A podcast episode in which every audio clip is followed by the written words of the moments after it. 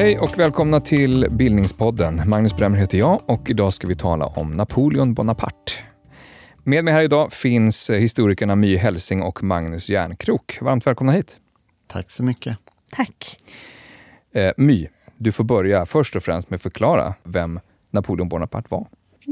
En lexikonversion. Mm. Mm. Napoleon Bonaparte föddes 1769 i Ajaccio, som är en stad eh, på Korsika som tillhörde Frankrike. Och han dog 1821 på Sankta Helena, en ö utanför Afrikas kust, som brittisk krigsfånge. Och han var en auktoritär ledare i Frankrike. Frankrikes första kejsare. Ehm, eh, berömd för sin militära skicklighet och politisk administrativa förmåga. Och han är älskad och hatad. Ja, en man med många ansikten, helt klart, som vi kommer eh, att eh, förstå längs vägen här. Det handlar ju också om en av världshistoriens mest kända människor, Magnus. Eh, varför är han så känd och kanske så viktig? Går det att sammanfatta? Eh, ja, kanske två saker. För det första kanske han är en av vår historias första riktiga kändisar. Romantiken plockar ju fram honom och gör honom till en superkändis. Så han blir liksom en, en för, förgestalt till Liszt eller Paganini lite senare. Dels den saken. Den andra saken är att det är han som sprider revolutionen. Om revolutionen sker först i Frankrike så är det Napoleon som tar den till Europa. Ja, men alltså, var, var, han, var han också en, han var en världskändis i sin egen tid först och främst? Precis, och han spred också propaganda om sig själv på ett väldigt effektivt sätt. Men det är inte bara han, utan det var också tiden. Att franska revolutionen är så omskriven därför att den var man kan kalla den liksom den första mediala revolutionen, en historisk händelse som berättades medan, medan den pågick. Och Napoleon var ju barn av sin tid på det viset. Mm. Ja, jag, jag, jag, håller med. att Det är en jättebra poäng att, att liksom revolutionen blir en europeisk händelse så väldigt tydligt. Det, är en gemensam erfarenhet vi har i Europa, den franska revolutionen. Det är inte något som bara sker i Paris. Vi kan ju säga direkt att Napoleon är ju i många, på väldigt många plan det som följer på den franska revolutionen i Frankrike eh, och definierar de decennier som följer. Han är ju uppenbarligen en, en, en välkänd men också mytomspunnen figur. Ähm, älskad och hatad som du sa My. Vilka är de vanligaste missuppfattningarna skulle du säga om, om Napoleon? Jag tycker en sak som man absolut bör begrava som uppfattning, mm. det är att han, att han gjorde saker ensam. Alltså mm. Man pratar om Napoleon liksom som svävar i någon slags vakuum. Och det här med att han är älskad, men han är beundrad för, för sina militära bragder och ärelystnad och skrupelfrihet. Eller så tycker man illa om det och då mm. tycker man inte om Napoleon. Men jag skulle vilja sätta Napoleon i, i sin kontext, alltså sin familjära kontext. I att se det, liksom, vad, vad är krig, vad är militär framgångar? Men det handlar ju om allianser, om vänskap, om förrädare. Och om institutioner som kan backa upp honom. Så Men man framställer en... honom väldigt mycket som en, som en enskild stark man som tar sig fram av egen kraft och så vidare. Precis, ett ensamt militärt geni som har allting i sitt huvud. Och mm. Precis, ska, sen det här med vilka som var hans vänner, vilka alltså det är ju jättekomplicerat. Mm. Så det kan man ju läsa på själv om man vill. Men, bara, men jag, menar, jag tänker att ingen kan komma till makten ensam. Och ingen kan behålla makten mm. ensam. Mm. Och jag tänker en annan sak är också det här att han kom med något fundamentalt nytt. Att man bryter, som historiker så brukar man, så brukar man ha en brytpunkt mellan ungefär 1800 och då har man länge börjat med Napoleon. Men man skulle lika gärna kunna sätta honom sist mm. i en räcka av auktoritära ledare och liksom i, i franska revolutionen som avslutar ett samhälle. Okej, okay, så mm. det är så att, han, att han, är, han är franska revolutionens slut mer än det nya Frankrikes början? Exakt, och det, han vill ju själv framstå som det nya Frankrikes början. Mm. Och jag tror också det här är ett, liksom ett allmänt missförstånd att franska revolutionen handlar om demokrati och alltså frihet och rättigheter för alla. Alltså det var på retorisk nivå. Men i praktiken så så var, var det ungefär som det var tidigare. Mm. Ja, om man, om man eh, kan klara av det med längden först, att han var ganska normal längd, eh, så skulle jag säga att jag, jag håller med My. Att, att... vänta nu, bilden är att han är, var väldigt, väldigt kort, ja. en Napoleon-komplexet på något sätt, en liten man som måste ja, hävda men sig. Precis, mm. eh, det är en lång historia om hur man översätter franska och engelska fot och propaganda från engelsmännen och sådär, men han var ganska normal längd. Okay. Mm. Eh, det är en enkel sak, men sen skulle jag fylla i att jag, jag håller med att jag, tycker, jag tycker att Napoleon är lite underskattad som statsman, men överskattad som militärledare. Mm. Det är nog en av de största myterna. Det är väldigt kontroversiellt. Nu kommer jag få arga mejl. okay. ja, för det är annars bilden av att, att eh, de här eh, mästerliga militäriska strategierna och att det var exceptionell som militärstrateg. Ja, precis. Alltså, han, han hade ju den enorma fördelen att han får den här stora franska nya La Grande Armée mm. att bygga på, som är byggd på meritokratiska eh, utgångspunkter. Det har ju inte hans fiender. Så hans fiender har, är, är fattigare än vad han är. De är, har en sämre armé, de har en mindre armé, de har eh, sämre officerer. Eh, förutsättningarna som Napoleon har är ytterst goda.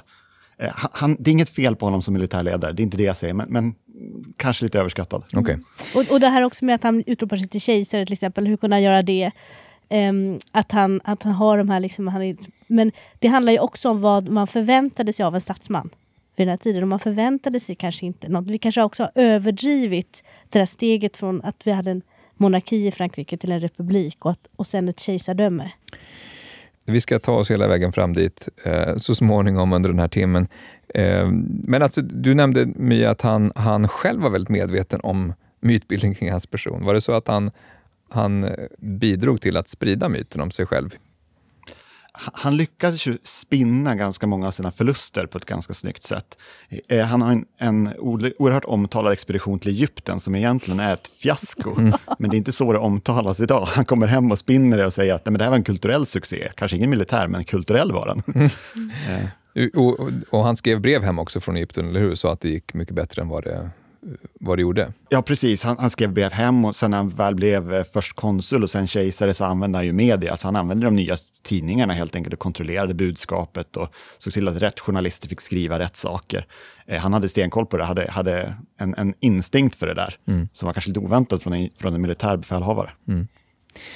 Um, men vad vet vi egentligen då om hans person? Alltså från samtida vittnesmål, kanske han beskrev sig själv. Om man skulle sitta här i studion idag, hur, hur, hur skulle du uppfatta honom tror ni? Eh, jag tror att, att det är ganska stor chans att vi blir hänförda av honom. Mm. Det, det omtalar alla, även de som inte blir hänförda av honom, omtalar honom som, som, som lätt att beundra av andra. Att, att han, han, är lätt, han har lätt för att dupera folk, säger de. Mm.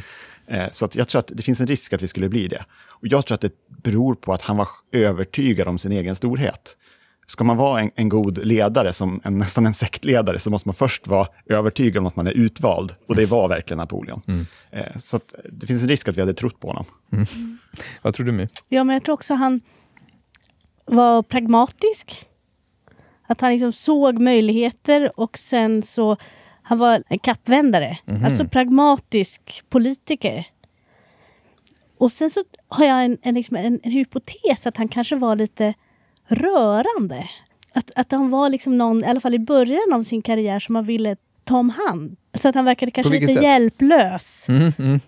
Eller det här att han kanske kunde använda den här, hans enklare bakgrund från ett ställe som låg väldigt långt från Paris. Och han kunde vända det till något positivt. Att han kanske hade någonting, han verkade lite ofarlig kanske. Så att man ville liksom ta honom.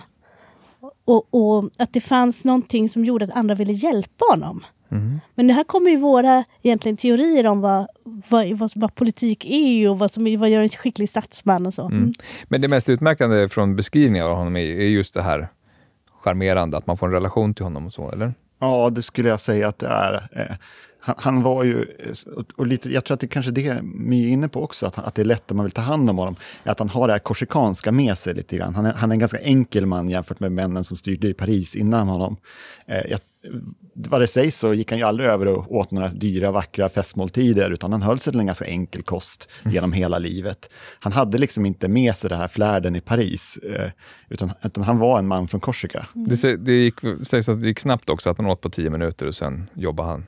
Ja, och sov ytterst lite och jobbade hela dagarna. Alltså, mm. Man får säga att han har en omåttlig energi eh, och en otrolig förmåga att sätta sig in i saker väldigt, väldigt snabbt. Och fatta snabba beslut. Han Men- var inte ja. den som satt och tänkte på en fråga i timmar och sen hur ska jag göra, hur ska jag göra, utan jag sätter mig in i en fråga snabbt, fattar ett beslut och sen går jag vidare. Jag tycker vi går dit, till Korsika direkt, eh, där det börjar. så att säga. Han kommer från en relativt medelmåttig bakgrund, åtminstone om man betänker hur, hur, hur högt han, han stiger. Så att säga. Han föds 1769 i en ganska fattig adelsfamilj på Korsika, som, som ni har varit inne på. Men vad vet vi egentligen om hans familj och uppväxt? Ja, ja det, vi- det vi vet är att, att familjen eh, Buonaparte, eller hur man nu säger det på italienska eller korsikanska, eh, är, kanske man ska beskriva som knapadel, i gammalt fint svenskt ord. Eh, det, det, de är adelsmän och det gör att Napoleon får tillgång till de fina skolorna. Men de har inte så mycket pengar, eh, de är inte bland de absolut finaste familjerna på Korsika. Eh, han har hejdlöst många syskon, bröder och systrar. Eh, och enligt god korsikansk tradition så hänger de här med honom resten av livet.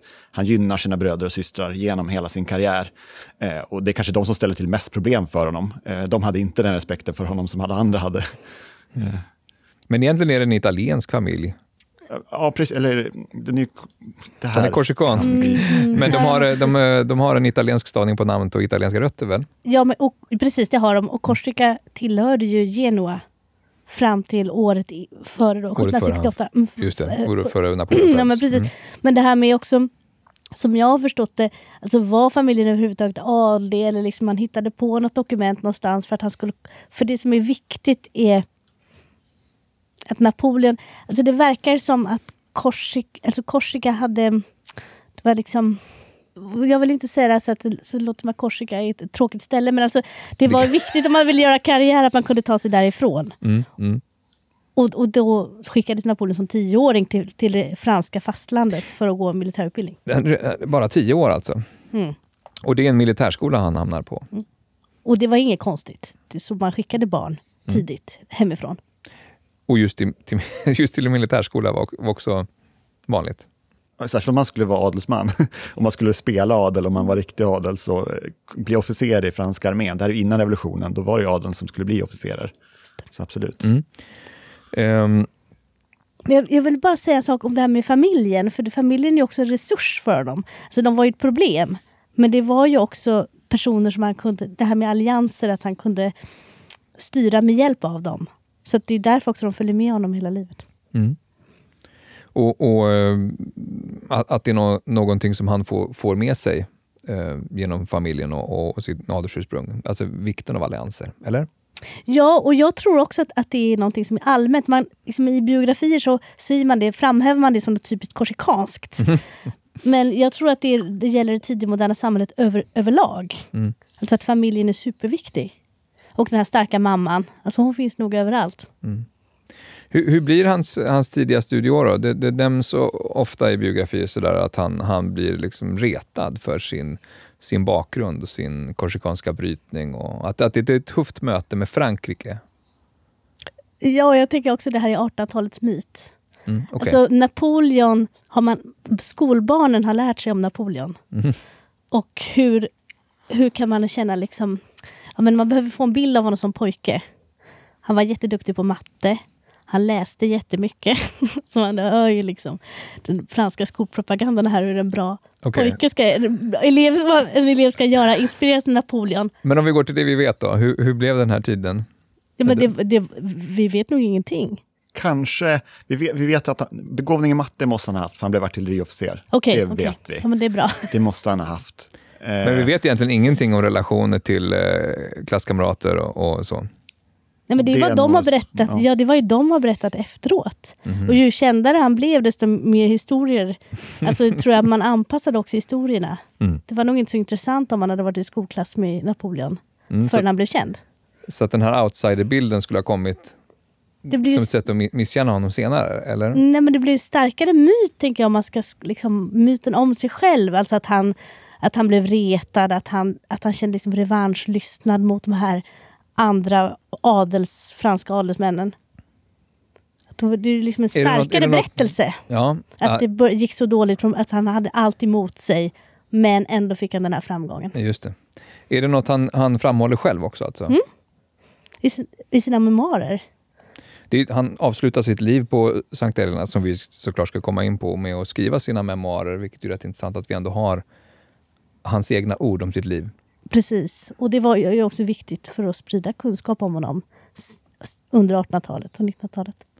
Um, men den här, den här militärkarriären då, den, den går ju uppenbarligen ändå rätt bra får man säga. Det är hans väg till makt. Kan man, kan man dra den lite grann i korthet bara, Magnus? Ja, I korthet, det som gör att han växer fram som en liten en, en ny stjärna på den franska himlen är att han tar sig igenom det här systemet som ung artilleriofficer. Han kommer till Paris sen som ung vuxen, så han är i Paris under revolutionsåren.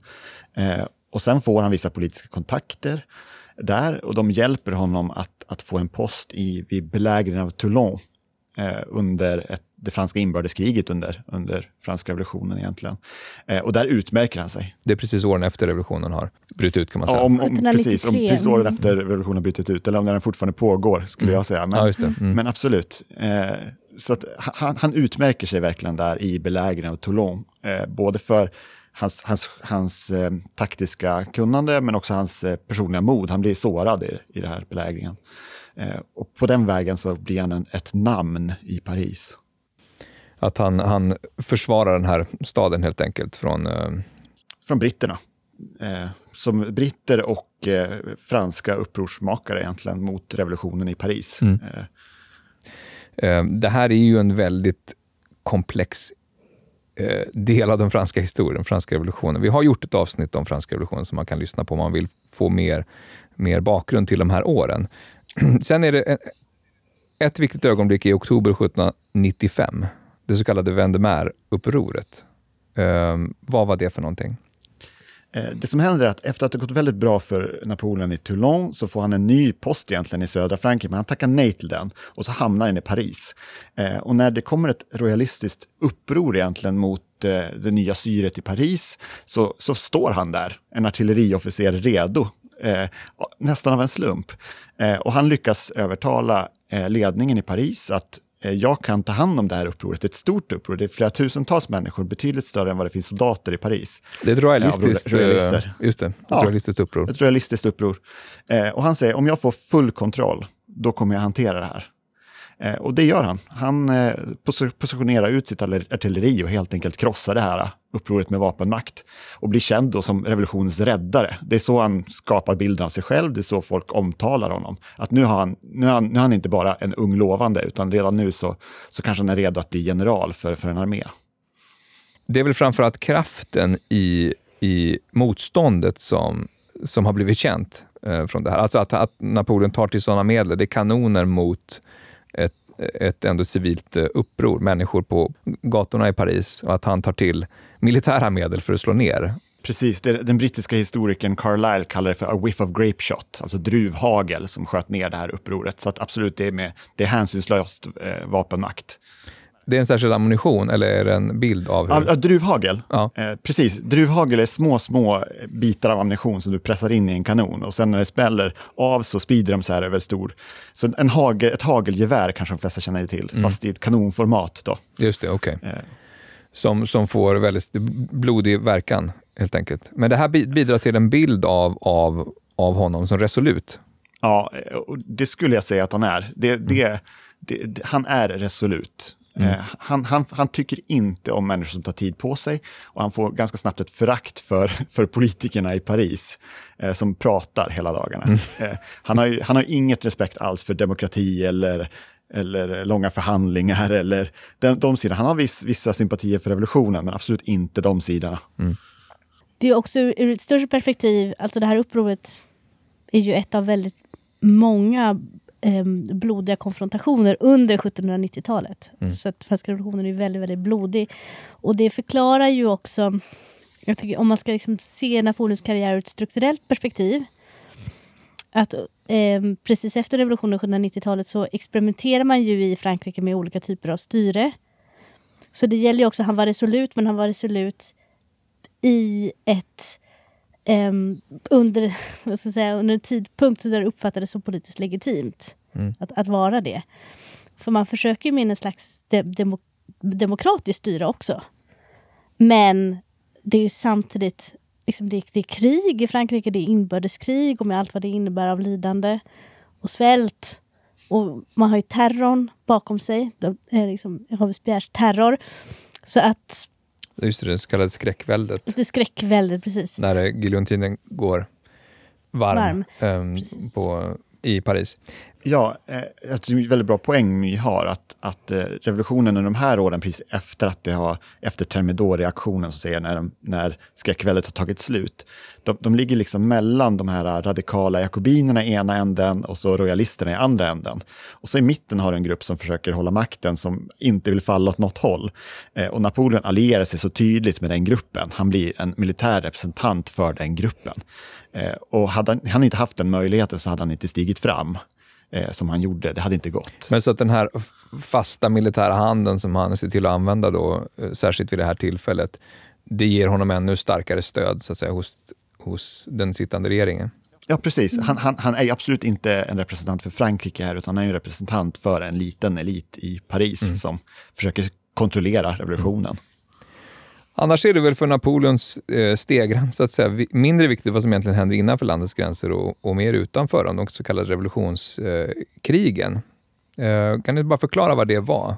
Att det pågår inbördeskrig, revolution och så krigar man med andra, andra makter, så att säga, kan vara lite svårt att förstå. Ja, både ja och nej. Jag tycker att det var jättelätt att förklara. Så, så plötsligt så började jag försöka liksom läsa på i morse. Verkligen, så här, verkligen, verkligen förstå. Mm. Och så förstod jag inte alls. liksom, varför krigar man? Det är väl en så stor fråga. Men det som händer är 1792. Då är, är Frankrike fortfarande en monarki. Och då förklarar då liksom en väldigt bräcklig monarki krig mot sina vanliga fiender. Mm.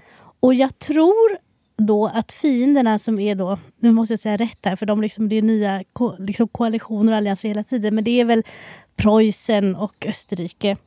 Och de tänker så här, men nu är Frankrike ett lätt byte. Och så går man på och slår tillbaka. Mm. Och Frankrike kan jag tänka mig också, sen så kommer det väldigt snabbt sen att det blir republik och, och så kommer skräckväldet, alltså det blir mer och mer, våldet eskalerar inne i Frankrike och då kan man ju tänka sig att det finns någon politisk tanke om att man ska um, att, att, att det är bra att koncentrera sig mot en yttre fiende. Det är en ganska mm. klassisk strategi. Och också för att få ening inom landet. Precis. Mm. Men egentligen så är det väl mm. liksom dumma makthavare som tuppar sig. Mm. Det är väl det som är svaret på varför det blir krig. Man... Jag, håller, jag, håller, verkligen med att det börjar i revolutionen, men det, egentligen är det här bara ett vanligt europeiskt storkrig. Mm.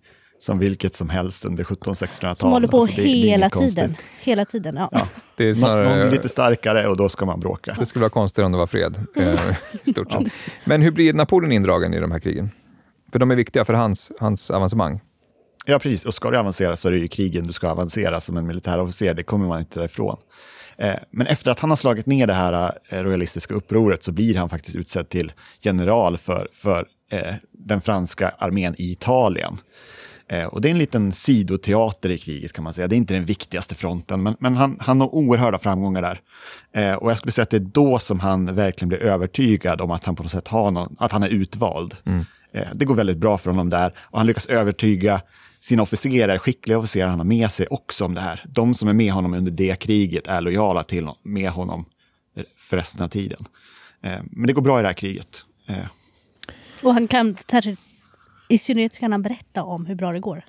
Mm, just det, mm. apropå, apropå eh, PR-snillet Napoleon. Och nästa steg för honom är egentligen det här fälttåget till Egypten, är det inte så? Ja, precis. Han fick ju egentligen eh, uppmaningen att invadera brittiska öarna, men det, ser han, det här är ju helt kört. Eh, så att han, han tittar på Egypten istället och det finns någon tanke om att han skulle stoppa britternas väg till Indien och det fanns lite så tankar. Eh, jag skulle säga att det ganska mycket handlar om eh, myten om honom själv. Han är övertygad nu om att han är Alexander den store och han ska göra vad Alexander den store gjorde. Mm. Han åkte till Egypten. Mm. Men det finns brittiska han, intressen där också, eller hur? Koloniala intressen. Ja, precis. Ska, ska, du frakta någonting från Europa till Indien så kan du frakta det landvägen över den smala passagen vid, vid Egypten så är mycket vunnet. Mm. Eh, så det blir liksom en, även, även då innan Suez en länk till Indien, absolut. Men, eh, men det blir inte så lyckat, men det blir kulturellt lyckat, sa han själv. Sorry. Vad, vad, vad, vad menade han då? Det som är kulturellt lyckat, att han tar med sig botaniker och vetenskapsmän och lingvister och målare. Och han tar med en hejdlös massa kulturpersonligheter. Eh, och de tar med sig en, en otrolig fascination för det egyptiska hem till Frankrike igen. Eh, och det är med, med, honom vi får hem Rosetta-stenen, eller de hittar Rosetta-stenen, som gör att vi kan börja tolka hieroglyfer till exempel. Eh, så att den här bilden av att, av att Frankrike nu har upptäckt en antik civilisation som är äldre och kanske mer framstående än Grekland, oj, det var en stor grej. Mm. Man talar till och med om egyptomani i den här tiden i Frankrike, eller hur? Det finns i, i kulturen på massa olika ställen.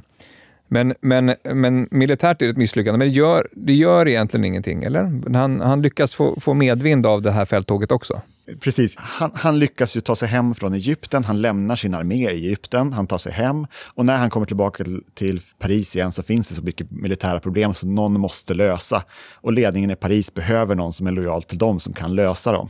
Så att de behöver Napoleon vid det tillfället. Eh, och då kommer han på något sätt undan sitt fiasko. Eh, men nu Italien och Egypten, nu talar vi andra halvan av 1790-talet, eller hur? Ja, precis, det stämmer. Eh, så att revolutionen har lämnat sin mest blodiga fas och nu är vi en mellanperiod innan Napoleon tar makten. Som man gör i november 1799. Men innan vi går dit, va, va, hur ser hans liv ut i övrigt, My, under de här åren? Är det bara militär strävan? Alltså för, om man vill göra karriär mm. och om man är 20-årsåldern, då måste man göra någonting jätteviktigt. Då måste man gifta sig. Mm. Så att man få det anseendet också i samhället. Och det gör han så han, under 1790-talet så försöker han hitta en lämplig fru. Och han är först, han har ju sin familj då, som är i Korsika och i Sydfrankrike. Och en äldre bror som heter Joseph.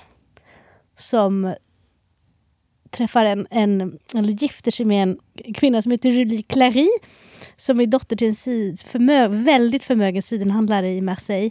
Och som har en yngre syster som heter Desiree. Och så som man, många gör på den tiden, alltså två bröder med två systrar passar väldigt bra. Mm. Så Napoleon förlovar sig då med den här yngre systern Desiree Clary. Som så småningom då kommer bli drottning av Sverige. Ja, det är lite, det är, det är lite lustigt via, via giftermål eh, med eh, Bernadotte. Precis. Eh, som vi kan komma in på senare. Men så det säger sig självt att det blir ingenting med Desiree i längden, men det är hans första kärlek. Eller? Ja, alltså det är, en, det är en fin hemgift. Det är en, strateg, det är en strategisk Precis, och något lite bättre. Koalition. Än, ja, mm. kan något ganska bra. Men sen, åker, sen flyttar han till Paris och han gör en karriär där istället.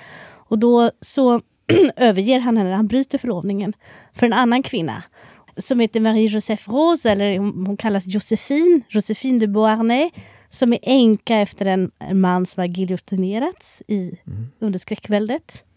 Och hon är vän eller älskarinna till de liksom, allra högsta politiska kretsarna i Paris och han, Napoleon får tips liksom, att gifta med henne. Så hon är ett bra catch. Men, men är det också så att eh, det, det beskrivs som en väldigt stormig kärlekshistoria också. Det verkar ha funnits ganska mycket känslor i den här relationen. Åtminstone som den framställs. Ja, men verkligen. Mm. Och man går liksom, för att inte säga någonting om, om varken Napoleon eller henne, så får man veta väldigt mycket om hur hur bra det var. Liksom. Men jag tror att alltså, hon är utfattig. Mm. Hon, är änka, hon är, liksom, rör sig med de här männen liksom, som kanske hjälper henne lite grann. Men det, för henne är det intressant att gifta sig, särskilt eftersom hon har två barn i sitt från sitt tidigare äktenskap. Mm. Två barn som kommer bli väldigt viktiga också för Napoleon. Mm. Som vänner och som såna personer som man kan placera ut och bygga mm. allianser med.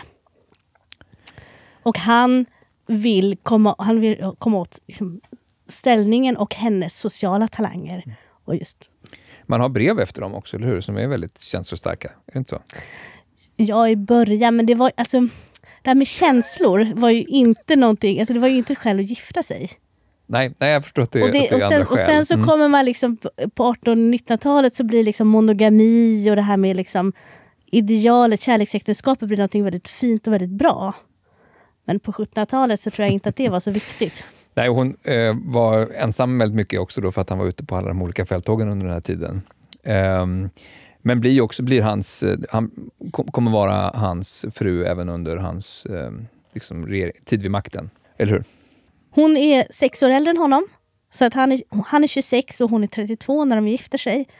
Och sen så är de gifta ända till 1809. Då Napoleon skiljer sig från henne för att de inte har fått några söner. Eller inga barn överhuvudtaget. Så hon har två barn från ett tidigare äktenskap. Just det, också det av strategiska skäl. Men det ska vi återkomma till. För sen inleder Napoleon sin regeringstid eh, den 9 november 1799. Eh, 30 år gammal. Det är så exakt för att det handlar om en kupp. Det brukar kallas för Brumärkuppen. Förklara vad Brumärkuppen var, Magnus. Kanske först och främst varför den heter Brumärkuppen. Precis, Brumaire kommer ju från den franska revolutionskalendern. Eh, Så det är namnet helt enkelt på en månad som ligger där någonstans månadsskiftet oktober-november. Eh, Så att, Det är så komplext som man har en Det- egen det- kalender för förloppet. exakt, eh, onödigt komplext. Eh, Man behåller inte det här i Frankrike sen såklart. Eh, Men Men kuppen har det namnet och vad är det som händer? det som händer är att eh, om man säger alla demokratiska pretensioner som någonsin fanns med revolutionen är ju 1799 döda sedan några år tillbaka. Det finns liksom ingenting kvar, utan det, nu är det en liten oligarki i Paris som styr det här. Eh, men de har lite olika intressen och då finns det en liten gruppering eh, med några mycket inflytelserika män, ABC, Talleyrand till exempel, Barat blir inblandad, eh, som eh, helt enkelt vill störta det här skick, styret som finns i Paris. Eh, och de ser att en möjlighet att göra det, det är om man har med sig Napoleon. Han har männen med sig, soldaterna. Eh, så att de eh, helt enkelt kommer på att vi ska lura ut eh, eh församlingarna, de beslutande församlingarna ut lite grann på, i Saint-Cloud, eh, det är väl utanför Paris, eh, bort från staden. Eh, och sen så är det en klassisk militärkupp helt enkelt. Napoleon stormar in där och förklarar att det finns en konspiration mot revolutionen. Man pratar fortfarande om den. Eh, och den måste vi rädda genom soldaternas makt. Eh, så jag är här för att rädda revolutionen. Eh, och på den vägen är det. Hans, hans medkumpaner hade tänkt spela bort honom här. Han är bara en dum militär. Men, men Napoleon ser till att dag två så är det Napoleons statskupp egentligen. Han får hjälp av sin bror också. Som riktar ett svärd mot honom. Och så, så säger han så här. Om, den här. om min bror förråder revolutionens idéer så, så dödar jag honom. Och säger han, jag lovar att inte göra det. Jag lovar att inte förråda revolutionen. Men, och han, han blir förste konsul, som det heter. Ehm, en av tre. Men blir via vad som brukar beskrivas som världshistoriens första moderna folkomröstning ensamt styrande. Stämmer det? Ja, eh, egentligen så hade, hade hans medkumpaner försökt- tänkt igenom en sån här låtsasroll. Eh, men han genomskådar det här ganska snabbt och gör sig själv till den viktigaste av de här konsulerna. Eh, och sen, han håller tre folkomröstningar. Varje gång han ökar sin makt igen så håller han omröstningar. Eh, och det man ska känna till om dem är att, att alla de här omröstningarna bekräftar det Napoleon vill. Alla säger att ja, du ska bli konsul, ja, du ska bli eh, förste konsul, ja, du ska bli kejsare. Det är helt okej. Eh, och med stark majoritet. Men det man ska känna till är att inga omröstningar under revolutionen eller de här har särskilt stort valdeltagande. Det är en liten elit i Frankrike som får rösta av männen, ganska förmögna män som får rösta. Eh, och absolut fuskas det, men, men det finns ganska få historiker som ifrågasätter att, att, eh, att det ändå skulle blivit ett jakande svar. Så han har ett stöd med sig. Han har ett starkt stöd, ja, men vet inte exa- det Ja. talas om flera miljoner röster i hans fördel och 1500 Ja. emot. Och sådär. Ja, Eh, precis. Men, men han, han har ett starkt stöd i Frankrike. Va- varför? Va- varför vill Frankrike ha Napoleon vid det här tillfället? Nej, men alltså, på sätt och vis så kan man ju tänka att Frankrike behöver en, en nystart och de behöver en stark ledare. Därför att det är, det, det är kris och det är krig. Men samtidigt så har det ju bara gått tio år sedan revolutionen. Vad hinner hända på tio år? Tio år är, är ganska kort tid. Mm. Så det är inte så att någonting radikalt egentligen har ändrats i Frankrike förutom att det har blivit mer splittring, mer kris, mer krig, mer lidande. Man tänker sig att många fransmän saknar monarkins stabilitet, eller?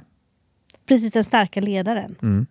Och hoppet och framtidshoppet. Och, och allt det som liksom en stark ledare kan stå för.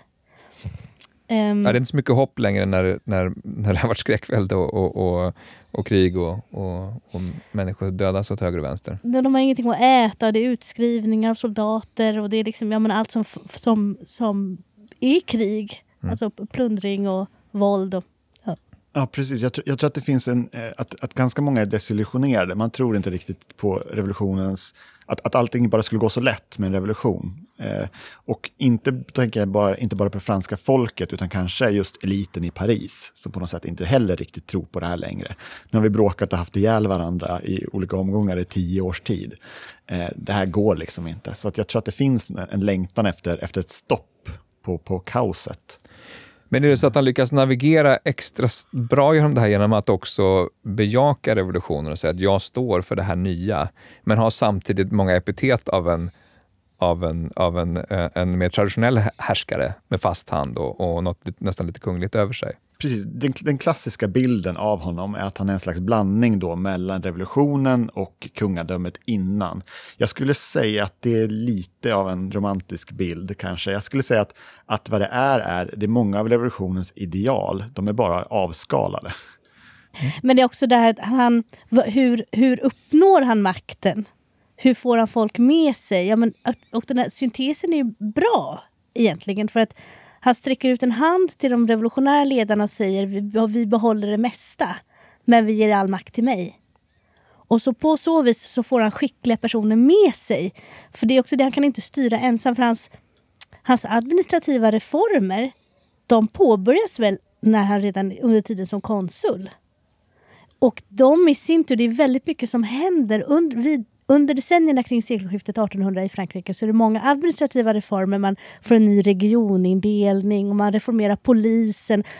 Och det där...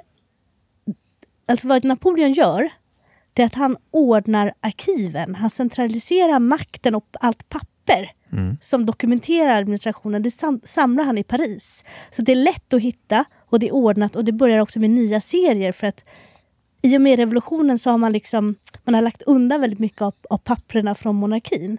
Så det är väldigt ordnat. Det är lätt att följa vad Napoleon har gjort. Napoleon säger att det är jag som har gjort det här. Mm. Det är under min tid som vi har gjort de här fina reformerna. Men det är egentligen saker som...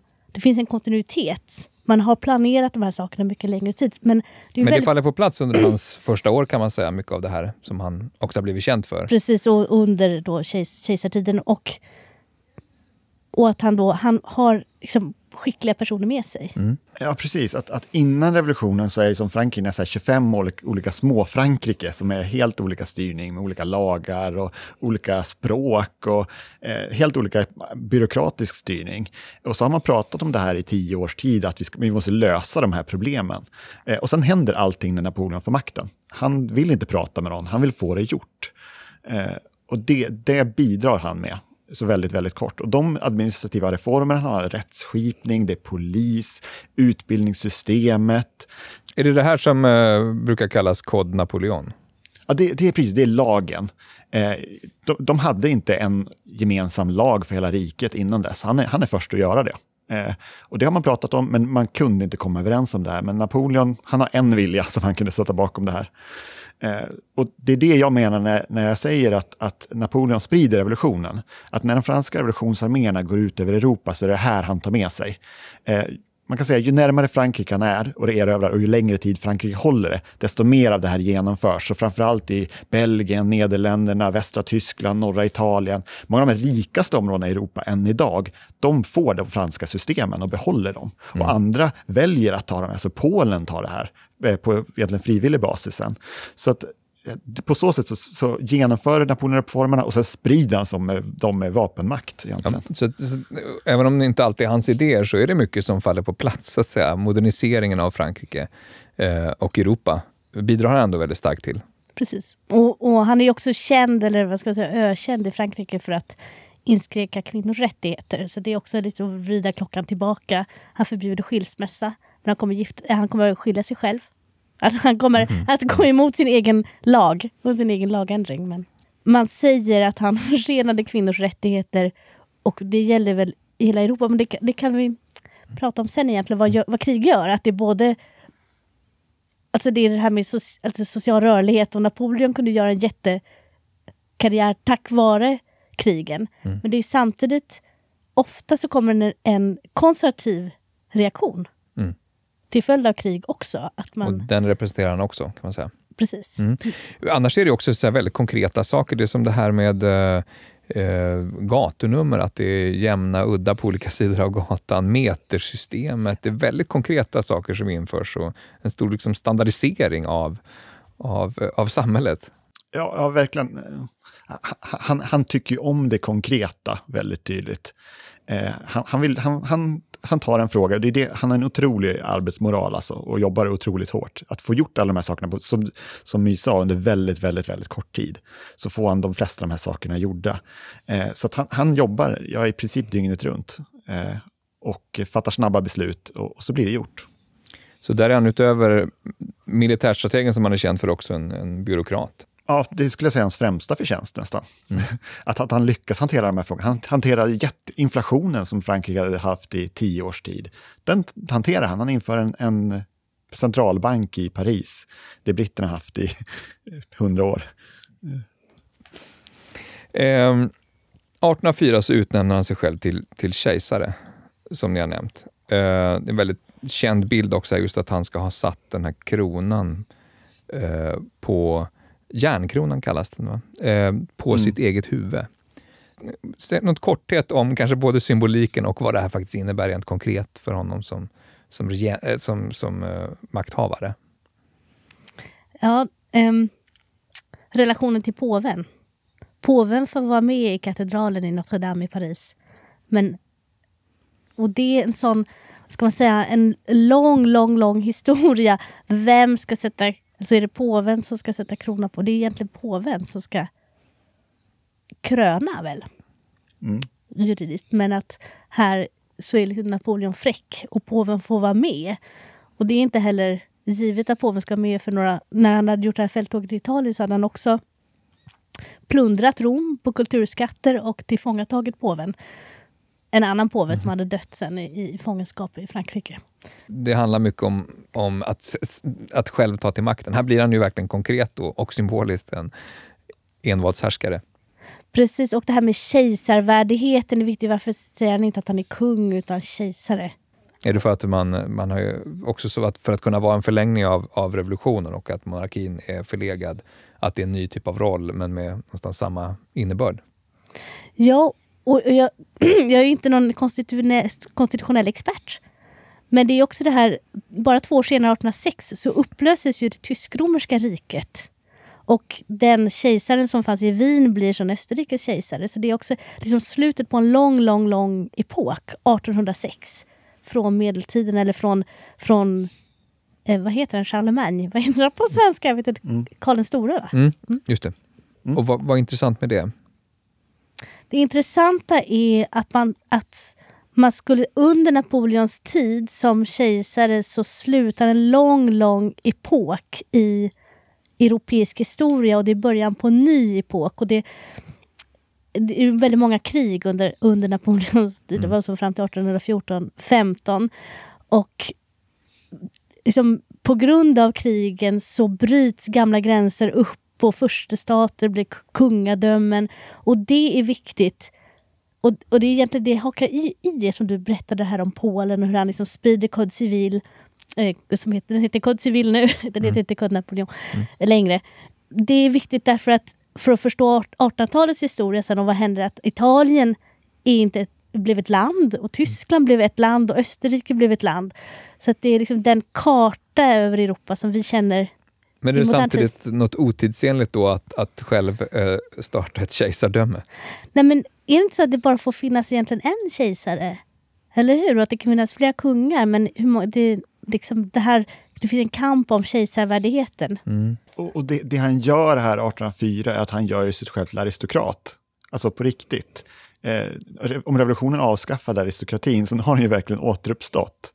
Eh, och han började dela ut fina titlar till sin familj och sina vänner. Och, och så att adelssystemet i Frankrike återuppstår, men det är bara att han skapar det. Mm, och att han har då något att erbjuda också på sina fältslag.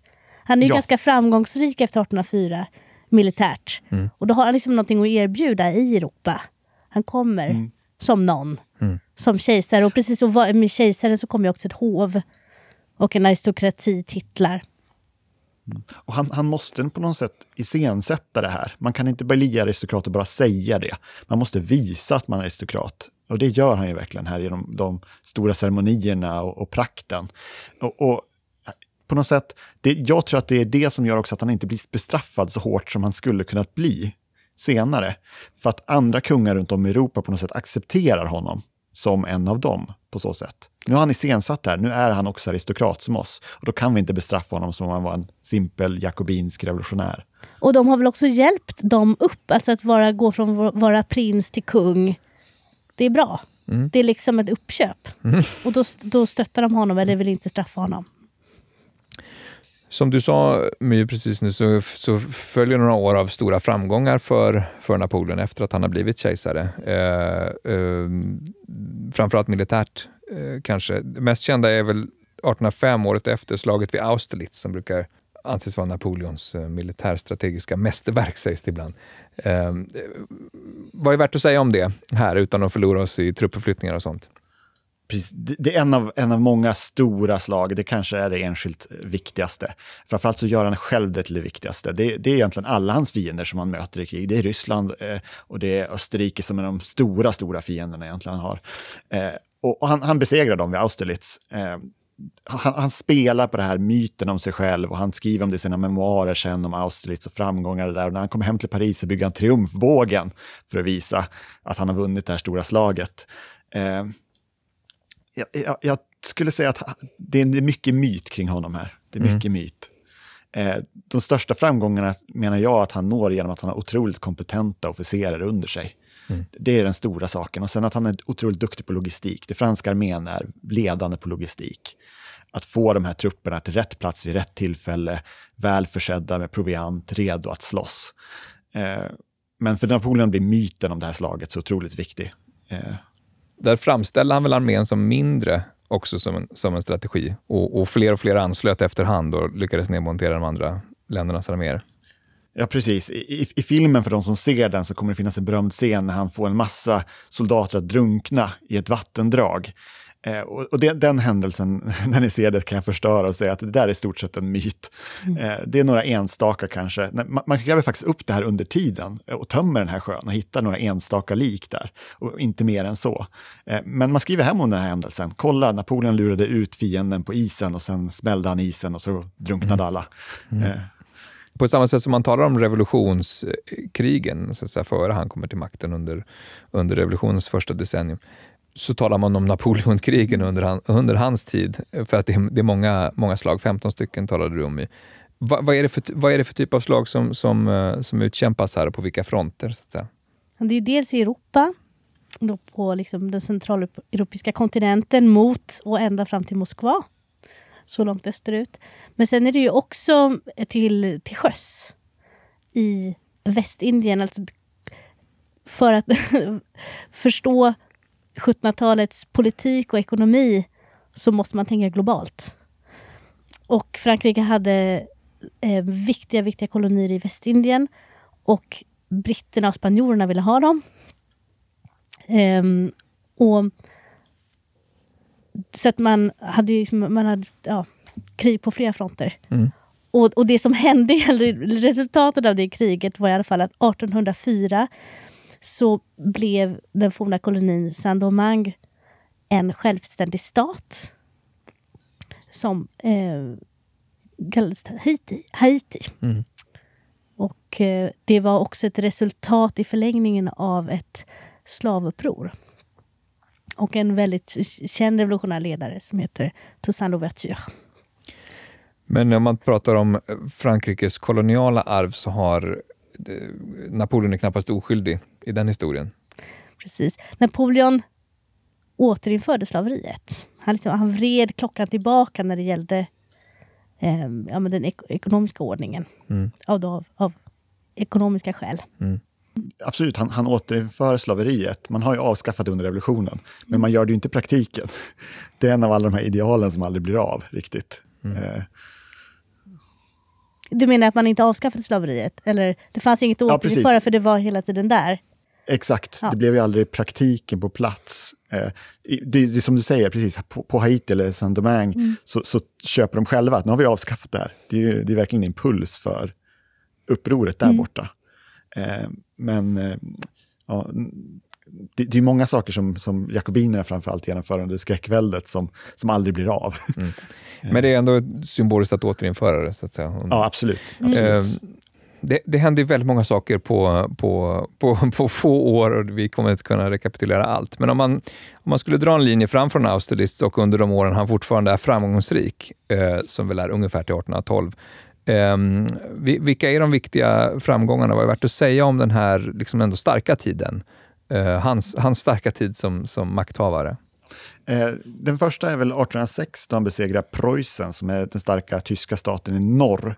Eh, och när han besegrar Preussen så blir det en så stark symbol sen för den tyska identiteten under 1800-talet. När Tyskland sen enas så handlar det mycket om i relation som motstånd till Frankrike. Så, så på så sätt blir den viktig. Sen besegrar han ju flera omgångar sina fiender. Han besegrar Tys eh, eh, Ryssland 1807, han besegrar eh, Österrike igen 1809. Eh, han skakar en allians med Ryssland igen och besegrar Sverige eh, 1809, 1808, 1809. Eh, så att han är med, involverad i väldigt, väldigt många krig och når, vinner egentligen under alla de här åren, eh, gång på gång på gång på gång. Och det är just under den perioden också som Sverige väljer en ny tronföljare. Mm. Och man tycker att det är intressant att liera sig med Napoleon. Men det är ju mot bakgrund av de här enorma segrarna som inte liksom tycks ta slut. Just det, så det, det är så Bernadotte hamnar på tronen i, i, i Sverige. Så han, hans koppling till eh, Napoleon då? Han är kompis eller konkurrent kan man säga. Rival. Men han, är en av, ja, men han är ju en av Napoleons marskalkar. Så han är ju nära Napoleon. Men Släkt. de, eh, nästan. De är nästan han, släkta, precis. Ja. Eftersom... Ja men exakt, därför att Napoleons äldre bror Joseph är gift med Julie som är äldre syster till Désirée Clary som är gift med Bernadotte. Mm. Och Desirée som var hans tidigare, Napoleons tidigare fästmö. Så det finns, det finns lite kopplingar som kanske inte bara är av godo för Napoleon.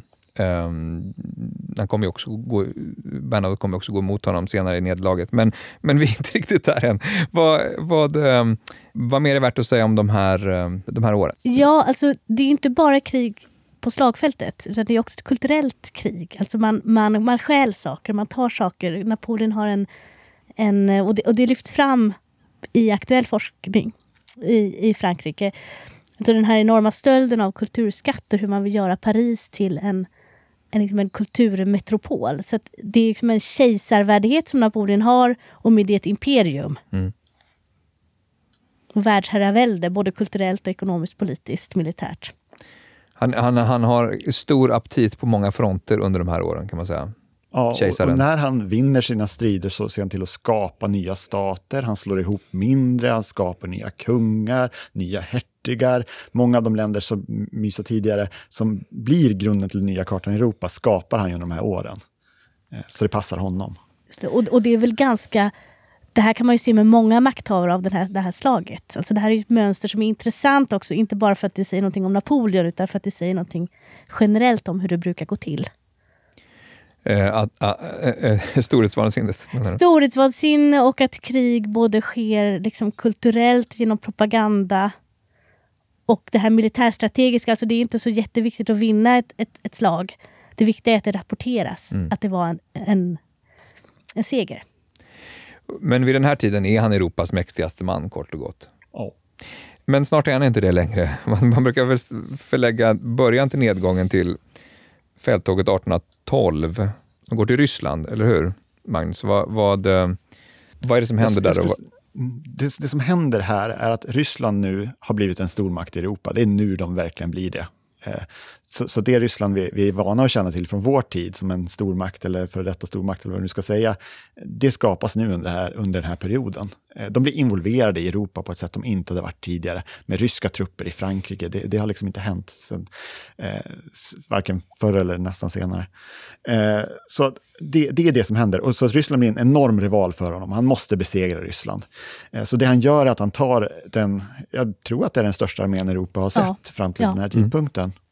Är, 600, är det 600 000 man eller 500 000 man? Ja, lite oklart. Men någon mm. 500-600 000 mm. man, helt otroligt. Eh, och de flesta är, jag tror, inte ens fransmän, utan de tar han från de områden han har erövrat tidigare, som hans allierade och liknande. Är många tyskar som, som beger sig iväg hit. Eh, och han, han, vill, han vill helt enkelt besegra Ryssland en gång för alla. Eh, och eh, det misslyckas kapitalt egentligen. Eh, så att när fälttåget är slut så är det, jag tror det är 20 000 man som har överlevt det här fälttåget mm. av den här stora armén. Och det är kylan och det är allt det som, den här logistiken som du talade om tidigare som var väldigt lyckad. Eh, dels var den sämre och sen var Ryssland eh, duktiga på att, eh, på att man körde brända jordens taktik och, och, och, och brände ner stora landområden mm. där, där armén ryckte fram, eller hur? Det fanns liksom ingenting att, att leva av på vägen till maktens centrum i Ryssland. Precis, och man krigade väl sällan på vintern. Alltså man, man, man liksom beräknade fältslagen så att de skulle vara på sommaren och sen tog man paus. Man gjorde vinterkvarter. Men det kunde man liksom inte göra i Ryssland för det fanns ingenting att leva av. Det var för stora avstånd. Mm. Den jättefördel Frankrike haft genom alla åren, den här franska arméns logistik, det är den som brister. Eh, och jag tror, det här, är, det här är lite hypotes, men mm. jag tror inte att det är en slump att eh, den ryske tsaren haft ganska omfattande möten samma år med Bernadotte i Sverige. Mm. Eh, och, och, känner till den franska armén otroligt väl genom honom. Ja, för att eh, det här otroligt svåra nederlaget då ger väl också Europa blodad tand, alla som har suttit och tvingats acceptera att Napoleon har kommit till den här makten. Um, känner vi vittring helt enkelt. Och eh, eh, vad, vad, är det som händer egentligen under de kommande två åren här till 1814 där han, han tvingas eh, från tronen? Men är det inte en utnötning? Ska man inte säga egentligen att det är otroligt att han kunde hålla makten så länge och segra så länge som han gjorde? Och jag tror liksom att, de bara, att, att andra, de andra, hans fiender sitter bara och bidar sin tid. Mm. Tills han får den här megalomaniska tanken att han ska erövra Moskva. Mm. Eller tåga mot Moskva. Precis, och, och, och, även hans, det, det, det, är ett under. Men en sak som händer är också att hans fiender lär sig av misstagen. Mm. Och de lär sig att, eh, alltså meritokratin i armén, att man inte bara eh, låter aristokrater avancera till de högsta posterna. Det lär sig alla hans fiender. Så att vid den här tidsperioden så, så har de jämförbara i alla fall officerer. Eh, de har lärt sig logistiken, de har lärt sig att värva män på ett annat sätt. Så det är helt andra fiender som han, han möter nu än vad det var i början av den här perioden. Men det är också en koalition, eller hur? Det som kallas för koalitionskrigen. Um, är det, många... Precis. Alla de här krigen döps efter koalition. Det är sju stycken koalitionskrig från egentligen första kriget under, under franska revolutionen till, till ett slut. Så det, är, så det är olika okay. koalitioner, för ingen kan ensam möta Frankrike. Det går inte. Nej, just det. Men, men man kan väl säga att nu går koalitionen segrande den här gången? Ja, det gör de. De, de har tillräckligt stora arméer, de är tillräckligt samspelta, eh, de har en gemensam taktik. Eh, det stora slaget är vid Leipzig eh, 1813 då de segrar. Eh, folkslaget kallas det fortfarande på tyska, eh, slaget för folken. Eh, så att nu börjar det gå ut för och det är lite det jag menar att Napoleon som befälhavare kanske är lite överskattad. Att när han inte har de här övertagen han har i logistik, i armén, i officerarna, då blir det jämnare. Då är han mm. inte så övermäktig längre. Mm. Nederlaget kommer då 1814 och han tvingas abdikera. Eh, det är väl en sån här vanlig missuppfattning. Vilken ö han blir skickad till egentligen? Är det Elba eller är det Sankta Helena? Men det är ju faktiskt båda, eller hur? Han, han tvingas abdikera och skickas till Elba, eh, ganska nära Italiens och Frankrikes kuster i Medelhavet. B eh, och, och också Europas stormakter, de som har varit med i kriget, de samlas i Wien för Wienkongressen där man drar upp Europas gränser och bestämmer liksom maktbalansen i Europa. Det är en sån viktig, viktig händelse. Den segrande koalitionen. Ja. Segrande koalitionen, precis. Mm. Och då har man redan skickat Napoleon till Elba. Men det är inte som någon krigsfånge utan han får ett eget litet rike där. Han ska bara hålla sig på den här lilla ön. Men man är han, ganska snäll mot honom egentligen. Han, ja. får, han blir härskare över den här ön. eh, och som är befolkad av ett antal tusen bönder i stort sett han använder ju tiden eh, på Elba till, eh, som blir knappt ett år väl, till väldigt många olika saker. Berätta om den, den korta tiden, Magnus. Ja, precis. Han, han sätter sig omedelbart i arbete och börjar modernisera Elba och, och eh, se till att ändra jordbruket och han, han organiserar rättssystemet. Han, han egentligen moderniserar Elba. och samtidigt i Paris har man ju då ersatt honom med en monark, en kung det är ju brodern till Ludvig XVI, Ludvig XVIII, som sätts till makten. Och helt plötsligt så har alla Napoleons fiender som har önskat bort honom tänkt att ja, men det var väl inte heller så trevligt att ha kungen tillbaka. Eh, så att det, fin det finns en lucka här, en möjlighet för Napoleon att, att återta sin post och den, den tar han. Ja, han lyckas skramla ihop en armé på något sätt. En ganska liten armé, men ändå en betydande, som, som beger sig över till Frankrike man landstig vid Rivieran där någonstans. Uh. Han samlar väl upp en armé på vägen. Han tar sig mm. genom Frankrike. Och samlar upp uh, på ja, vägen. Och dessutom precis. när han kommer fram till Paris så, så vänder väl också kungens armé mot kungen. Inte så? Ja, precis. Det är, det, det är hans gamla marskalk Ney som möter honom och som har lovat kungen att åka dit och egentligen ha ihjäl honom. Eh, och Napoleon lyckas övertala dem att nej men följ med mig istället. Och så vänder de på klacken och så har helt plötsligt kungen ingen armé längre och måste fly. Eh, nu, det, det, är nu de, de så kallade hundra dagarna inträffar. Vad händer under de hundra dagarna? Napoleon återtar makten och han rustar för revanschkrig. Och han blir besegrad i Waterloo i Belgien 1815.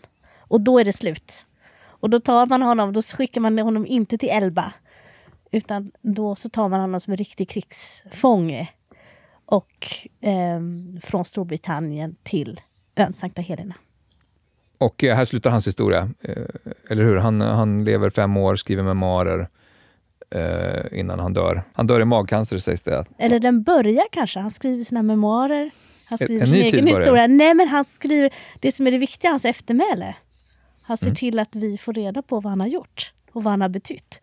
Ja, precis. En annan historia. Arvet efter Napoleon börjar här förstås. Det, det, det, första arvet är ju naturligtvis, eh, kanske börjar redan när han lever, den, den besegrade Napoleon. Hur, hur är bilden av Napoleon under hans sista år i livet? Alltså då tror jag det är lite lågvattenmärke för Napoleon precis de här sista åren då han själv lever, men under 1800-talet, direkt när han dör, alltså efter 1821, så blir han en jätte, jätteviktig person. Och han, blir jätte, han är väldigt, väldigt viktig i fransk politik. Och sen har vi liksom det andra kejsardöme.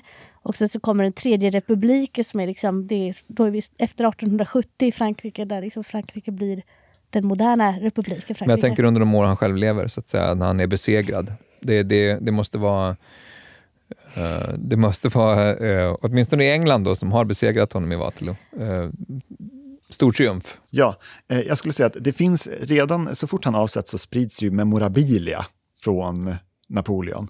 Så att den, den engelske regenten då, George den fjärde, han samlar ju på Napoleon-grejer. Och det finns den här, det pratas om när han, när han dyker upp i hamnen där utanför, i södra England så vill ju folk se honom. Man har ju hållit på med Napoleon-propaganda nu i 15 års tid. Vad är det för monster vi har mm. fångat? Eh, så att den bilden finns av Napoleon då. Eh, absolut. Och, och det här med att han besegras, att han, att han besegras av britterna gör ju också att man kan liksom fortsätta berätta om hur hemsk han var, vilken liksom, tyrann han mm. var. Med just den här skräckblandade, skräckblandad förtjusning. Mm. För att man det slut, historien slutar ju gott. Mm. Men precis som att, det, att man då när man pratar om hans barndom, att man liksom överdriver kanske hans enkla bakgrund och liksom ända från Korsika till mm. Paris och över världen. Så kan man ju också då säga att han var så otroligt skicklig, kan britterna säga. Mm. Och britterna har ju varit viktiga sedan 1800-talet för att sprida populärkultur och liksom berättelser. Och därför pratar jag om britterna. Det är där han också blir kortare i längd och han blir en annan karikatyr. Han blir en karikatyr liksom. super, super skicklig, men det är men ju också början. Alltså. Mm. Och, och, det är också början till Storbritanniens världsherravälde. Mm. 1800-talet. Men en, eh, en, en, en, eh, en ny typ av mytbildning börjar kring Napoleon Eh, redan här. Det som händer i Frankrike under, under 1800-talet är ju minst lika komplext som det som hände före Napoleons tid. Eh, och vill man haka i fler bildningspoddsavsnitt så kan man lyssna på ett vi har gjort om februarirevolutionen 1848, där man får mycket av, av decennierna efter Napoleons slut och framåt. Men om vi skulle säga någonting om mer om bilden av Napoleon i Frankrike, så älskad och hatad var bland det första ni sa här. Men det är väl ju en det är ett ganska komplext arv. Vad, vad, vad, skulle ni säga att, att bilden av, av Napoleon idag i Frankrike? Hur ser den ut? Det är ganska mycket stolthet, är det inte det? Både och. Alltså, fransmännen säger själva... Alltså när, när 2021 så var det ju 200 år sedan han dog. Och då var ju frågan, skulle man fira det? Och vad skulle man fira? Och då blev det här med slaveriet något väldigt kontroversiellt. Att man absolut inte ville fira honom. Mm. Och ehm, det finns en stiftelse, en forskningsstiftelse som har inflytelserika medlemmar och mycket pengar, resurser som de sprider. De, de har till exempel publicerat Napoleons brev och memoarerna. Det kom på 1800-talet så kom det en utgåva av memoarerna men har, man har gjort nu i, i modern tid så har man gjort en, en ny utgåva eh, som är lite mer närmare liksom, ursprungstexten och så. Så det, det finns stiftelser, det finns krafter i Frankrike med kopplingar till den, alltså den aktuella politiska makten som liksom där det finns ett egenvärde att berätta just Napoleons historia. Mm. Medan Napoleon har ju blivit, för historiker så blir han ju egentligen mindre och mindre intressant. Och det är nästan tror jag, frågan också i många historikerutbildningar i Sverige också. Ska man överhuvudtaget prata om franska revolutionen? Alltså är det mm. här... Därför att från att Napoleon var någonting som är liksom centralt att förstå allt vad han gjorde för att förstå historien så har liksom statsmännen bleknat i status och betydelse. Och även Frankrike och nationalstaten. Alltså vi pratar om global historia, globala skeenden. Vad säger du Magnus? Eh, jag, jag har betydligt sämre koll än jag har på det franska och mer på det amerikanska mm. och engelska. Eh, och jag skulle säga att i, i, det engelska så är det precis som du säger, att han, Napoleon blir en myt i England och är fortfarande än idag en känslig moralisk fråga egentligen. Var han god? Var han ond? Vad betydde det att vi besegrade mm. honom? Det är vi besegrade mm. Napoleon. Absolut. I, I, I, USA så finns det en extremt stark subkultur av militärt överintresserade, ofta män, eh, som älskar Napoleon och avgudar allt han gjorde och eh, han kunde mm. gå på vatten. Eh, många, många historiker generellt sett, mm. min bild, är mer intresserade av revolutionen och mindre ja, av Napoleon. Det, ja. Och de som är intresserade av Napoleon är mer intresserade av det militära mm. också. Eh, så att lite grann har det blivit ett, ett, ett, eh, en skiljevägg där. Ja, och, och, lite av en, eller precis lite av en beröringsskräck. Men jag, jag, har, jag har en idé på hur man kan överbrygga den. Mm. För det, för det har ju nästan varit så att Napoleons liksom liv har kartlagts i detalj, var exakt gjorda vilka dagar och så. Men de här källeditionerna och, och, man ger ut hans brev, hans memoarer och, och, som den här stiftelsen gör då, som visst är en slags forskningsstiftelse men det är inte liksom akademisk forskning. Mm. Men det kan man ändå ha nytta av. Alltså de här källeditionerna och det som, det som den här Fondation Napoleon gör för att sprida intresset av Napoleon kan man också använda som akademisk historiker. Så det som är Napoleonkult kan ändå gynna eh, historikers arbete för att förstå den här tiden i Frankrike och Europa bättre? Precis. Nej, men behöver man ha beröringsskräck eller ska man ta sig an Napoleon, tycker du Magnus? Borde man det som historiker? Jag tycker man borde det. Jag tycker han är superspännande.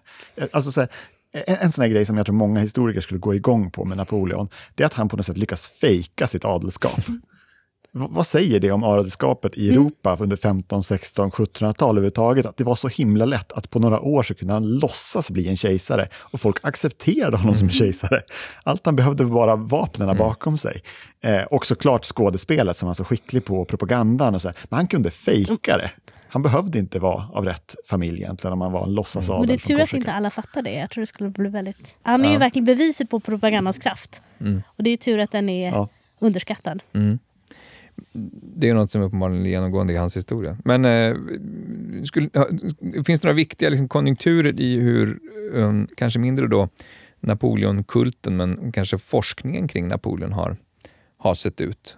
Um, är, det så att det, är det så att den här beröringsskräcken är, vid honom är, är relativt ny? Eller? Det, då, då är vi inne på sena 1900-talet. Mm. Också efter en nedgång, alltså ungefär i mitten av 1900-talet så så slutade man skriva historia med liksom väldigt... Förut gjorde man avhandlingar som utspelade sig under ett år så kartlade man liksom det året i mm. detalj. Mm. Och då var Napoleon och de här olika koalitionerna så väldigt viktigt. Och sen så har man tagit fram, ja, men då kommer det socialhistoriska, kulturhistoriska perspektiv och så. Men nu, det kanske är ett litet uppsving för Napoleon. Möjligtvis, man pratar, det finns en intressant amerikansk historiker som heter David A. Bell som har skrivit om karisma. Eh, och hur Napoleon blev stor på grund av karisma. Alltså karisma som en ny typ av ledarskap under den här tiden. och så. så det, Men är det så att det, det, det, det, det problematiska med Napoleon har varit olika saker? Det är det hemska, tyranniska, kompromisslösa hos honom i, i tidigare historia och nu på senare tid har det handlat mer om att lyfta fram hans roll för, för eh, kolonialismens utbredning och slaveriet och så. Ja, och jag skulle säga så här egentligen att alltså det som man kan tillskriva Napoleon, att han är imperialist, han har militära ambitioner, ärelystnad och så. Är det, alltså antingen tycker man att det är bra och att det är imponerande eller fascinerande och storslaget. Och det, jag tror att det är någonting som man inte kanske ska underskatta heller i, i historieskrivningen. Alltså den, den auktoritära ledaren som vi ser liksom, är ett stort tema idag. Men det har, var också det för hundra år sedan och i slutet av 1800-talet. Så det finns alltid högkonjunkturer för auktoritära ledare och då kommer ju beundran för Napoleon att leva vidare. Och han, han är, eh, på många sätt kanske man också kan säga att han är en av de tidigaste moraliska historiska personerna för vår tid. Hur menar du då? Att, att eh, det finns väldigt få som diskuterar frågan om Ludvig XIV var god eller ond. Vi diskuterar huruvida han har gjort någonting. Han gjorde det här, han gjorde det här, han gjorde det här. Men än idag blir det så på kultursidor, kan det dyka upp debatter eller, eller man gör poddar till exempel. Och så diskuterar man, var Napoleon bra eller dålig för Europa? Var han god eller ond? Var han en tyrann eller var han en frihetshjälte? Man, man anför en moralisk dimension på Napoleon, så otroligt tydligt. Om man vill gärna att han ska vara antingen ena eller andra. Ja, gärna. Ja, och man kan också använda honom för att då illustrera olika moraliska resonemang. Men är det så att, han, att det är just för att han är han har liksom en, en self-made diktator, eh, att han tar makten i egna händer och då har vi både större rätt men också större skyldighet att någonstans bedöma honom som människa snarare än någon som har ärvt en tron. Jag, jag tror det är det. Jag tror också att eh, många av de frågor som vi hanterar än idag, frågor om, om folkets medbestämmande, demokrati, hur man hanterar säkerhetspolis, som Napoleon var expert på till exempel, eh, hur man hanterar propaganda i media. Många av de frågor som diskuteras än idag när man pratar om förtryckande stater, eh, de finns med hos Napoleon. Eh, på sätt de inte gör hos Ludvig XIV igen, återigen. Ja, Men det är mer av en stat som vi känner igen, ja. Precis. Ja, Och, med, och sen så tänker jag att den här starka berättelsen, att den ska man heller inte underskatta. Alltså hur fantastiskt hans liv är. Och hur, det, hur svårt det är att sammanfatta, men hur, hur, hur fängslande det är. Eh, det, det är passande att en man eh, med sånt storhetsvansinne eh, gör att vi pratar om honom så här länge. Eh, vi måste börja avsluta. Eh, men har ni något att skicka med till lyssnaren som vill lära sig ännu mer om Napoleon? Du får börja med. Jag, jag tycker man ska läsa Krig och fred. Tolstojs, eh, Tolstoj, precis ur ryskt perspektiv.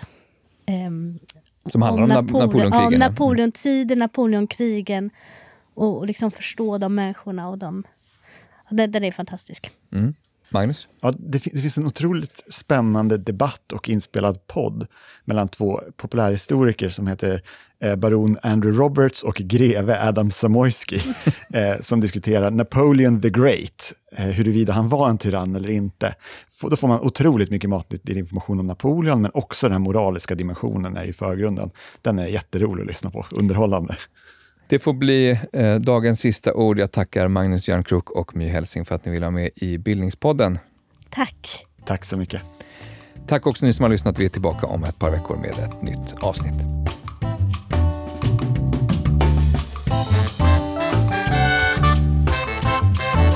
Du har lyssnat på Bildningspodden, en del av bildningsmagasinet Anekdot. Fler poddar, filmer och essäer hittar du på anekdot.se.